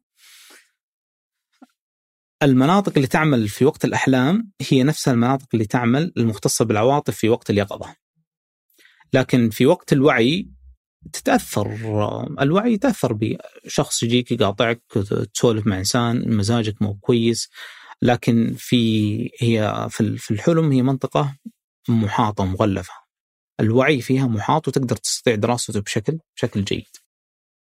المناطق اللي تعمل فيها غالبا مختصه بالعواطف آه بال يعني آه منطقة ال cortex مثلا اللي هو قشرة الدماغ ال hippocampus ال amygdala هذه كلها مناطق تختص بالعواطف هي اللي تعمل غالبا في منطقة الأح... يعني في وقت في وقت الأحلام. آه الآن أحدث شيء إنه بدينا إذا إذا دخلناك داخل الجهاز ده آه نستطيع أن نتنبأ نقول والله انك بديت تحلم ب بسيارة مثلا. مم. أي يعني نقدر ناخذ ال object اللي هو الشيء اللي كنت تحلم فيه بناء على المنطقة اللي كانت تعمل ما تعمل في الدماغ. آه هذا خلاصة اللي نقدر نقول توصل إليه العلم الحديث فيه من من فرويد إلى لكن قضية إنها مكان نموذج مثالي للوعي هذا فتح يعني أعتقد إنه عظيم للعلم آه سواء حتى على مستوى متخصصين في في السلوك وفي السيكولوجي وحتى متخصصين في العلم يعني يستطيعون دراسة مثل هذا في مكان يعني مغلف محاط ب آه، محمي نقول محمي من أي عوامل أخرى تستطيع دراسة فيه الوعي بشكل بشكل جيد. طيب آه، هل كل الناس تحلم؟ هل في ناس ما تجيها أحلام؟ طبعا في ناس ما تحلم لكن إحنا نتأكد من إيش؟ نتأكد إنه الإنسان يمر بدورات النوم الطبيعيه. الشخص اللي ما يحلم فترة طويلة وعنده أعراض ثانية قد يكون مصاب بمرض من أمراض النوم. وبالتالي يعني مثلا مرضى انقطاع التنفس النوم ينقطع عنهم تنقطع عنهم الأحلام فترة طويلة وبعدين أول ليلة يتعالجون فيها تبدأ تكثر مرحلة تكثر الأحلام وتكثر المرحلة هذه اللي تكلمنا عنها مرحلة حركة العين السريعة. نتأكد بس إنه ما في عوامل ثانية مؤثرة لكن في بعض الناس إذا كان طبيعي ما يحلم عادي ما هو ما هي قضية يعني. وش الفرق بين الأحلام اللي تتذكرها وأحلام ما تتذكرها؟ آه طبعا درسوا هذا وجدوا إنه الأحلام اللي تتذكرها غالبا كانت فيها عواطف أقوى المؤثر خلال اليوم كان أشد ومرتبط ب آه بأحاسيس ومشاعر مختلفة. أحاسيس بصرية أحاسيس حسية مرتبط فيها أكثر. هذا غالبا الحلم آه يأثر على الشخص. وبالتالي إذا أيقظناه من مرحله من الحلم هذا غالبا إذا قام من مرحلة حركة العين السريعه فهو غالبا راح يتذكر هذا الحلم. إذا كان الحلم في غير هذه المرحلة نسبة قابلية تذكره تكون تكون أقل. أيضا حتى لو كان في هذه المرحلة وصحى متأخر شوي آه، فنسبه تذكره تكون تكون أضعف. إذا صحى من هذه المرحلة مباشرة يعني تجيك يوم كذا تشعر بمثل كابوس الحلم تحلم فيه تصحى من النوم تذكر التفاصيل الدقيقه الظهر بعدها تنسى منه أشياء كثيرة إذا ما كتبتها فدائما هم يسوون زي النوت كذا للأحلام هذول الناس. في ناس ترى متمرسة. في ناس متمرسه عملها اللي هو كتابة الأحلام. وعندهم دفاتر وكتب وتجدها تباع في الغرب مثلا كتاب أحلام لشخص. هذا هو أيضا متمرس لكتابة الحلم. والحلم ترى هذا خلاصة ما نعرف ممكن في أشياء كثيرة نجهلها وأشياء العلم الحديث ممكن يناقض مثل هذا بعد فترة نجي. زي ال vaccines يعني. كل شيء يتغير يعني هذا العلم. هو طبيعته كذا أصلا متغير. بناء على الحقائق اللي يصلوا الحقائق اللي تستجد يعني. طيب وش الفرق بين الأحلام والكوابيس؟ الكوابيس هي غالبا تكون فيها عنف فيها عاطفة أشد. آه الكوابيس تكون آه مصاحبة بأمراض غالبا النوم القهري انقطاع تنفس النوم كل هذا. آه هذه هي الكوابيس. أيضا إذا كان فترة آه فترة يعني فترة شديدة عن, عن فترة اختبارات مثلا فترة كورونا آه زيادة الكوابيس بعد الفترة هذه وخلال الفترة هذه كان آه يعني الناس قالوا انهم مروا بكوابيس مرحلة أكثر.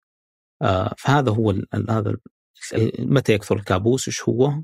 أشد ومصاب يعني يصاحبه قد يكون أحيانا عنف سواء من الشخص نفسه أو شخص تعرض له في هذا الكابوس.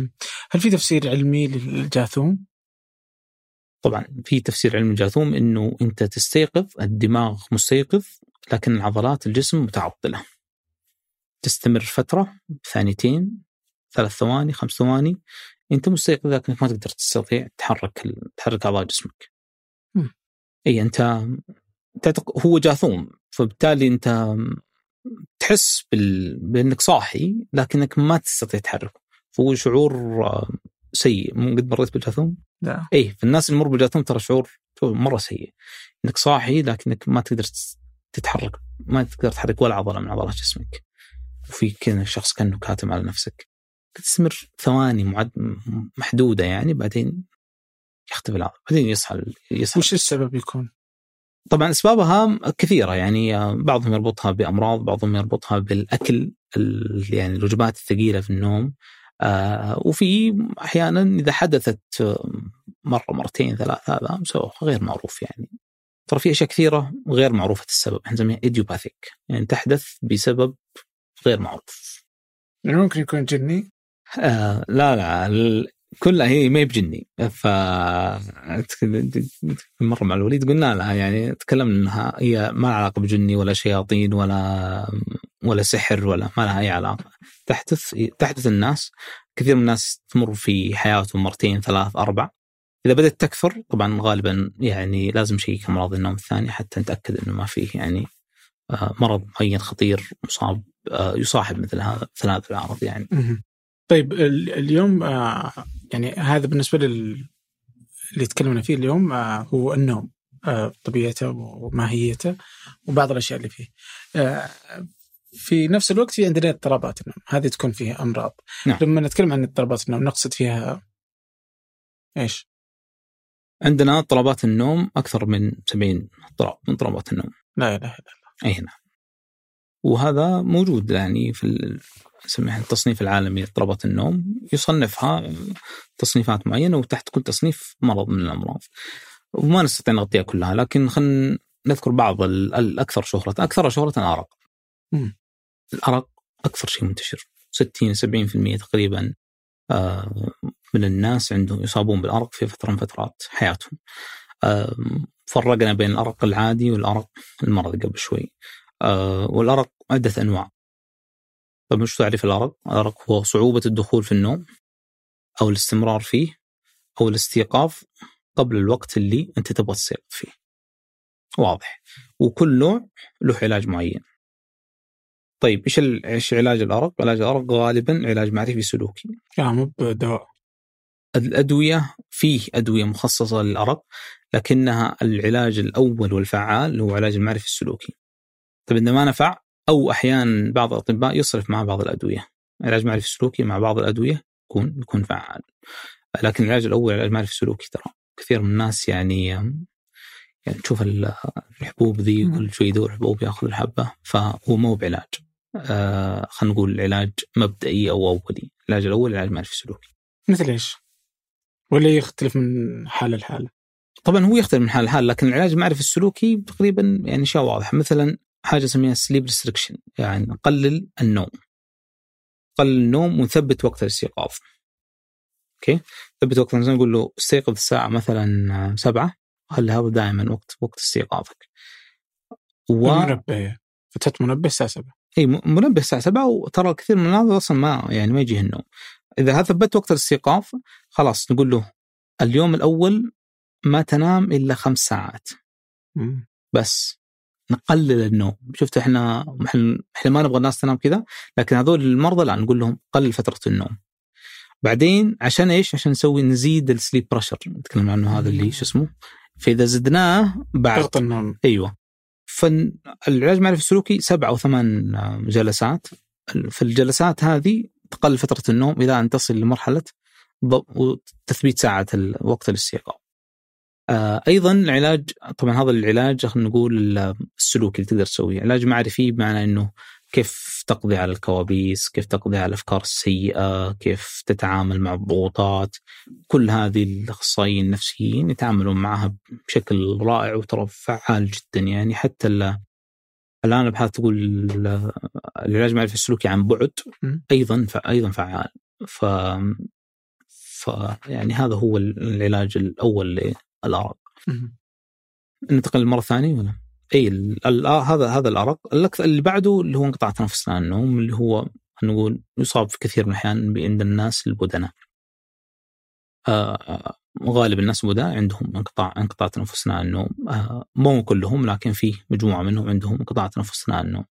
آه والمعضلين هم؟ والمعضلين أقول والمعضلين تكلم عنهم قبل شوي آه النسبة فيهم يعني أيضا عالية آه نعتقد في السعودية عندنا واحد من كل ثلاثة أشخاص رجال عندهم انقطاع تنفس النوم واحد من كل أربعة نساء. طبعا واحد من كل أربعة نساء بخلاف المعدل العالمي. المعدل العالي كم؟ المعدل العالمي يقول آه من ثلاثة إلى خمسة عند النساء. ثلاثة خمسة في المية. مم. فأقل يعني هي أكثر عند الرجال و- وأقل عند عند النساء. وأنا حقيقة لاحظت هذا يعني كثير من النساء يجون العياده وعندهم قطاع تنفس اثناء النوم أكثر من اللي شفناه صراحة برا في أمريكا وبريطانيا. ف والسبب طبعا يوم تيجي السعودية نسبة السمنه عند النساء أكثر. نسبة السمنه عند النساء منتشرة بش- بشكل بشكل كبير. آه طيب هذا انقطاع تنفس اثناء النوم. طيب إيش أعراضه؟ متى نقول إنك لازم تراجع طبيب؟ عندك شخير. آه، تصحى مصدع أو فمك ناشف. آه، عند ال- الناس اللي في ال 40 50 بدأ ينسى بشكل متكرر لأنه ما في نوم كويس فبالتالي يؤثر على. الذاكرة آه، كثرة التبول في ال- في الليل آه، بداية أنا نسميها السلطة حقت انقطاع تنفس أثناء النوم زيادة وزن آه، ال- كونك ذكر هذا يعني بنفسه بحد ذاته عامل خطورة. و إيش قلنا؟ وزياده زيادة كتله الجسم. ضغط الدم إذا كان عندك ضغط دم آه، أنت أصلا ذكر وزيادة الوزن. هذه غالبا كانت في الشخص يعني ينتبه من انقطاع التنفس اثناء النوم. هل له علاقة انقطاع التنفس أثناء النوم بان الواحد يمشي وهو نايم؟ المشي أثناء النوم إحنا نسميه ال- ال- ولا الاشياء هذا مرض منفصل؟ مرض هذه نوع اضطراب. اضطراب من اضطرابات النوم مختلف. مشي أثناء النوم الأكل أثناء النوم الحركة أثناء يأكل أثناء النوم؟ إي في ناس آه، منتشر كثير عند الأطفال ترى. يقوم يصحى يروح للثلاجة ويبدأ يأكل تفاحه ما قد مرت عليك شفتها؟ أطفال يروح ياكل يأكل تفاحه ويرجع ينام. هو نايم ما صحيح هو نايم ما هو صاحي. آه. إي فيرجع وطبعا الحل إنك توجهه بس لأنه ما تحاول تصحيه بس توجهه على السرير مرة ثانية ينام مرة ثانية. في يعني اللي إذا تبغى تقرأ عن الأشياء العجيبة يعني أثناء النوم وش وش وش ودي أعرف قبلها وش تفسير آه، الحركة أثناء النوم؟ المشي أثناء النوم طبعا عند الأطفال غالبا آه، هي سلوك. آه، بعد فترة يختفي ما حتى ما يتعالج لكن إذا كان متكرر وهو مصاحب بالشخير مثلا فهو في الغالب سبب سبب مرض معين مرض ثاني من أمراض النوم يصاحب مثل هذه مثل هذه الحركات الغريبة. والأشياء هذه قد غالبا تكون حميدة يعني ما تكون مضرة وتختفي مع الوقت حتى عند الكبار يعني قد تحصل مرة مرتين ما تخاف منها. لكن إذا أدت إلى مثلا آه، عنف ما تكلمنا قبل شوي تعطل عضلات الجسم طيب إذا ما تعطلت يحدث عندنا مرض جديد. مرض اللي هو المرض حركة العين السريعة آه إنه ما تعطل فيها العضلات. وبالتالي الإنسان يمثل أحلامه. غالبا يكون تمثيل الأحلام هذا بعنف آه يعني زوجته على السرير مثلا يضربها مثلا واللي يقوم آه يطعن أحد ولا كذا.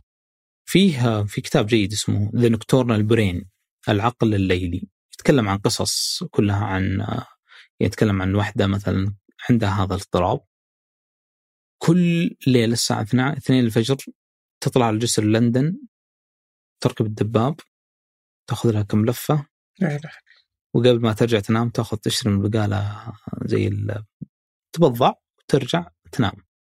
تسألها الصباح ما تذكر ولا شيء من هذا. هذا كله سوته وهي نايمة؟ أنا سويته نايمة. آه وهذا يعني مشهور معروف كثير من الناس ترى في في عنف في آه طبعا إيش الحل؟ إن أول شيء إنك تحافظ على سلامة الآخرين مم. وسلامته هو ما تحط فيه أدوات حادة داخل غرفة النوم انه يكون السرير مثلا منخفض ولا ما يكون أصلا في سرير أه تقفل غرفة النوم من برا بدل ما تقفلها من جوا بحيث إنه ما يقدر يطلع هذه كلها كلها علاجات وله علاج أصلا له يعني عقاقير ممكن تعطى. آه وش أغرب الاضطرابات؟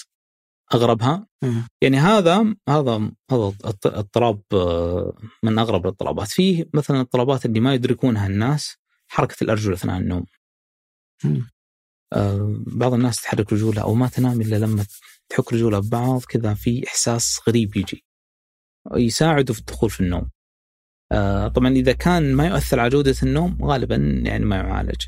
لكن إذا كان عند النساء مثلا فإحنا نتأكد من مثلا مستوى الحديد إنه ما يكون نازل مثلا. آه، وبعدين إذا كان مستوى الحديد نازل نعدله. طيب استمر هذا في له علاج غالبا. بعض الناس آه، تحرك رجولها بشكل منتظم خلال النوم. هذا أيضا إذا كان يؤثر على جودة النوم ما يمنعهم من دخول مراحل النوم العميقة هذا أيضا هذا أيضا يتعالج. طبعا اضطرابات الساعة البيولوجية. هذا ما الجيت لاج مثلا السفر كل هذه. عندنا السوشيال جيت لاج اللي هو لخبطة النوم بسبب الأحداث الاجتماعية. هذا مشهور يعني ومنتشر. من أغرب أغرب الأمور اللي هو التكلم الكلام أثناء النوم مشي أثناء النوم الحركة أثناء النوم. يعني واحد مشى مثلا على سطح العمارة من فوق. آه والناس تحت يراقبون كذا يوم صح من النوم قالوا ما يذكر ولا شيء من هذا فعجيب صراحة النوم وقد طب هل الحركه أثناء النوم آه، طبيعية ولا تعتبر آه، حركة تقلب تقصد؟ م. التقلب إذا كان مستوى طبيعي هذا جزء من فسيولوجية النوم أصلا إنك تنقلب من اليمين لليسار، لكن واحد يتحرك بشكل مستمر نتاكد إنه ما فيه يعني اضطرابات ثانية يعني. آه، إذا كان في اضطرابات تعالج. يعني غالبا الاضطرابات اللي تحدث خلال النوم لها لها مسبب. نشوف المسبب ويتعالج طيب. آه آخر حاجة اللي هي آه الحبوب والأدوية. آه فما مدى إنها مؤثرة؟ ونتكلم هنا بتوقع الأشياء اللي ما تصرف. لما نتكلم عن بنادول نايت وما في حكمها آه قديش مضرة جودة النوم وحياة الإنسان الحبوب الغير موصوفة نسميها آه، تنقسم إلى عدة أقسام لكن خلينا نقول قسمين رئيسية. قسم اللي هو تكلمت عنه بنادول نايت وأنواعه اللي هو مضادات الهستامين. هذه هذه مضرة على المدى الطويل استخدامها. طبعا مضرة لأنه آه، تضطرب آه، خصوصا إذا كان عند عند النساء آه، تزيد من احتمالية أمراض أخرى، عند الرجال أيضا تزيد من من أمراض كثيرة ثانية. يوم في السنة أخذت حبة ما هو ما هي بنهاية العالم يعني، لكن استمرار عليه في ناس ترى عندها أرق مستمر على هذه الأدوية. يعني يجون الناس مستمر على هذه الأدوية من سنتين ثلاث ويبدأ يزيد في الجرعات. هذا خطير جدا. وش الخطر فيها؟ الخطر إنه يؤدي إلى تجلطات ويؤدي إلى جلطات وقد يؤدي إلى الوفاة سمح الله خصوصا الاستمرار عليه فترة طويلة. النوع الثاني اللي بدأ ينتشر الآن اللي هو الميلاتونين حبوب الميلاتونين طبعا شهرتها الآن كل غطت حتى على إنه أحيانا إحنا ترى ما نحب نقول نذكر اسم الادويه لكن موجود بشكل كبير و... هذا اسم الدواء كذا؟ أيوه هو هرمون النوم وموجود على بشكل هو أصلا بدايته يعني في أمريكا يصرف في في البقاء في البقالات الموجودة في وول مارت تحصله. أه وتأخذ منه لكن مشكلة طبعا أضراره على المدى البعيد غير معروفة. أه لكنه الأخذ منه باستمرار طبعا ما نعرف إيش اللي إيش اللي يؤدي له. لكن أيضا قد يصاحب آه، أمراض أخرى عند عند آه، عند الرجال وعند النساء أيضا. مثل إيش؟ تأكد مثلا إنه ما هو إنه الحوامل مثلا ما يأخذون مثل هذا لأنه قد يسبب سمح الله بالإجهاض مثلا. فمجموعة من الأمراض الثانية أيضا ما يأخذ وقت طويل. لكن أعتقد إنه آمن من البلندون نايت إذا بتأخذ فخذ ميلاتونين فترة قصيرة ما تتجاوز ثلاث أيام أربع أيام ما هو بجرعات عالية. ما هو يعني الجرعات العالية بعض الناس يجيك مستمر على هذا. هذه هذه هي النوعين من الحبوب اللي أكثر أكثر شهرة من في حبوب للأرق. حبوب الأرق هذه أصلا ما يعني طبية. هذه وصفة طبية أصلا يعني. ولما لا تكون حتى البندونايت وغيرها وما والثانية بعد هذه تكون بالوصفات الطبيه ولا ما تطبق في في, في أوروبا وصفات طبية آه.